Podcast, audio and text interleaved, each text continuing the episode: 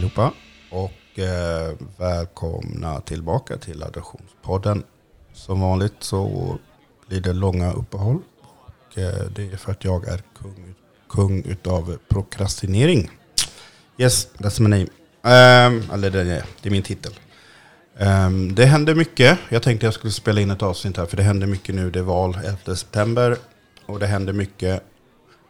Och jag tänker mycket på transnationellt adopterade som inte är vita. Och eh, många av oss påverkas säkert av eh, den mediala och politiska bilden som visas upp av, eh, eh eller av, eh, av, om sådana som ser ut som oss. Och det är ju inte så kul, alltid. Eh, med tanke på att när vi går ut i samhället så ser ju inte andra oss som eh, vita. Eh, vi har ju växt upp i, ofta i vit miljö. Eh, men ute i samhället så är ju vi alla de där andra. Och det påverkar ju en hel del hur man kanske ser och tänker på sig själv och sin omgivning. Och speciellt hur man påverkas nu när eh, SL har reklam och eh, SD skriver åk hem till Kabul. Och Eh, jag själv har varit i någon diskussion med någon och personen säger men varför kom du hit för? Och man, jag svarade det var inte mitt val att komma hit. Sen så svarade inte personen något mer. Ehm, och den här, jag är inte rasist, jag tycker bara så här. Och att inte vilja se att det du faktiskt tycker eller tänker eller säger eller gör är rasistiskt. Om jag eh, säger h-ordet eller klappar dem på rumpan eller så är jag eh, sexist, manschauvinistiskt svin.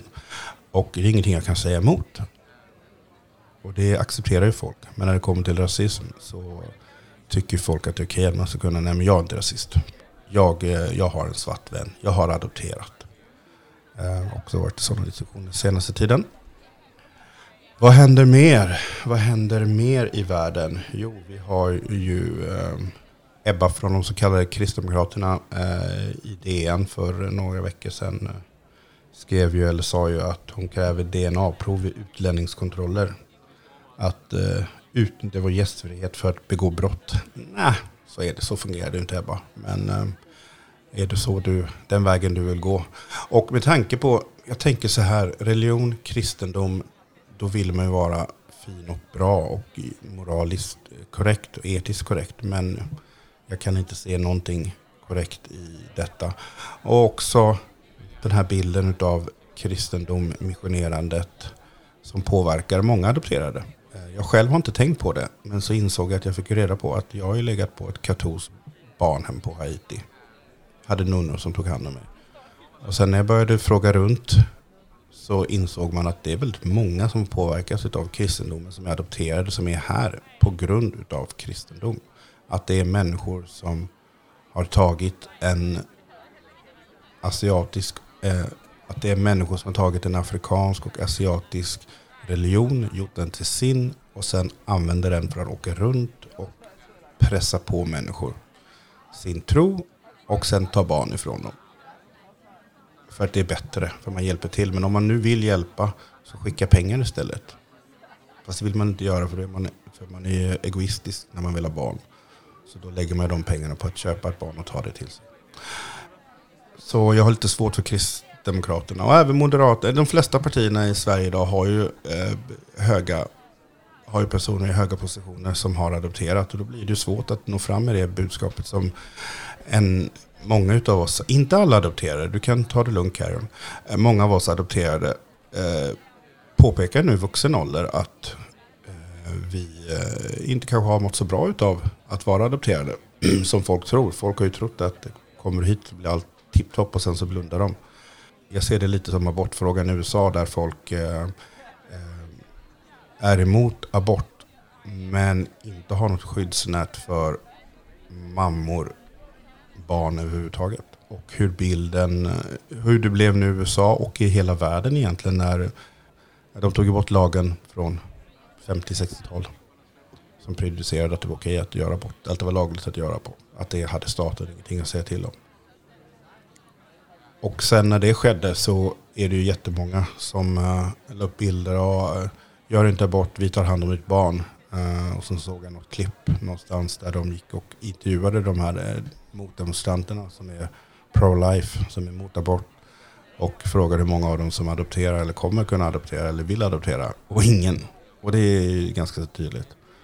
Uh, och då har vi den här teorin om, som högerextrema sprider. Den här rädslan av att det de har gjort mot världen eh, ska hända dem replacement theory, vad det nu heter. Jag får kolla upp det.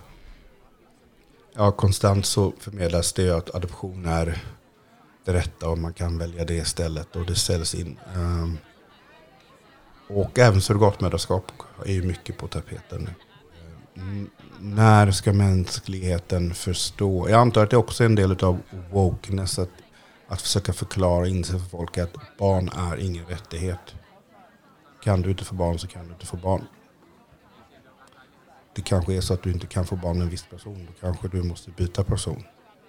Och bara för att du inte vill byta person så ska någon annan förlora sitt barn. Och hamna i samma situation som du var i. Jag tycker den är ganska sjuk. Det är en sjuk tanke.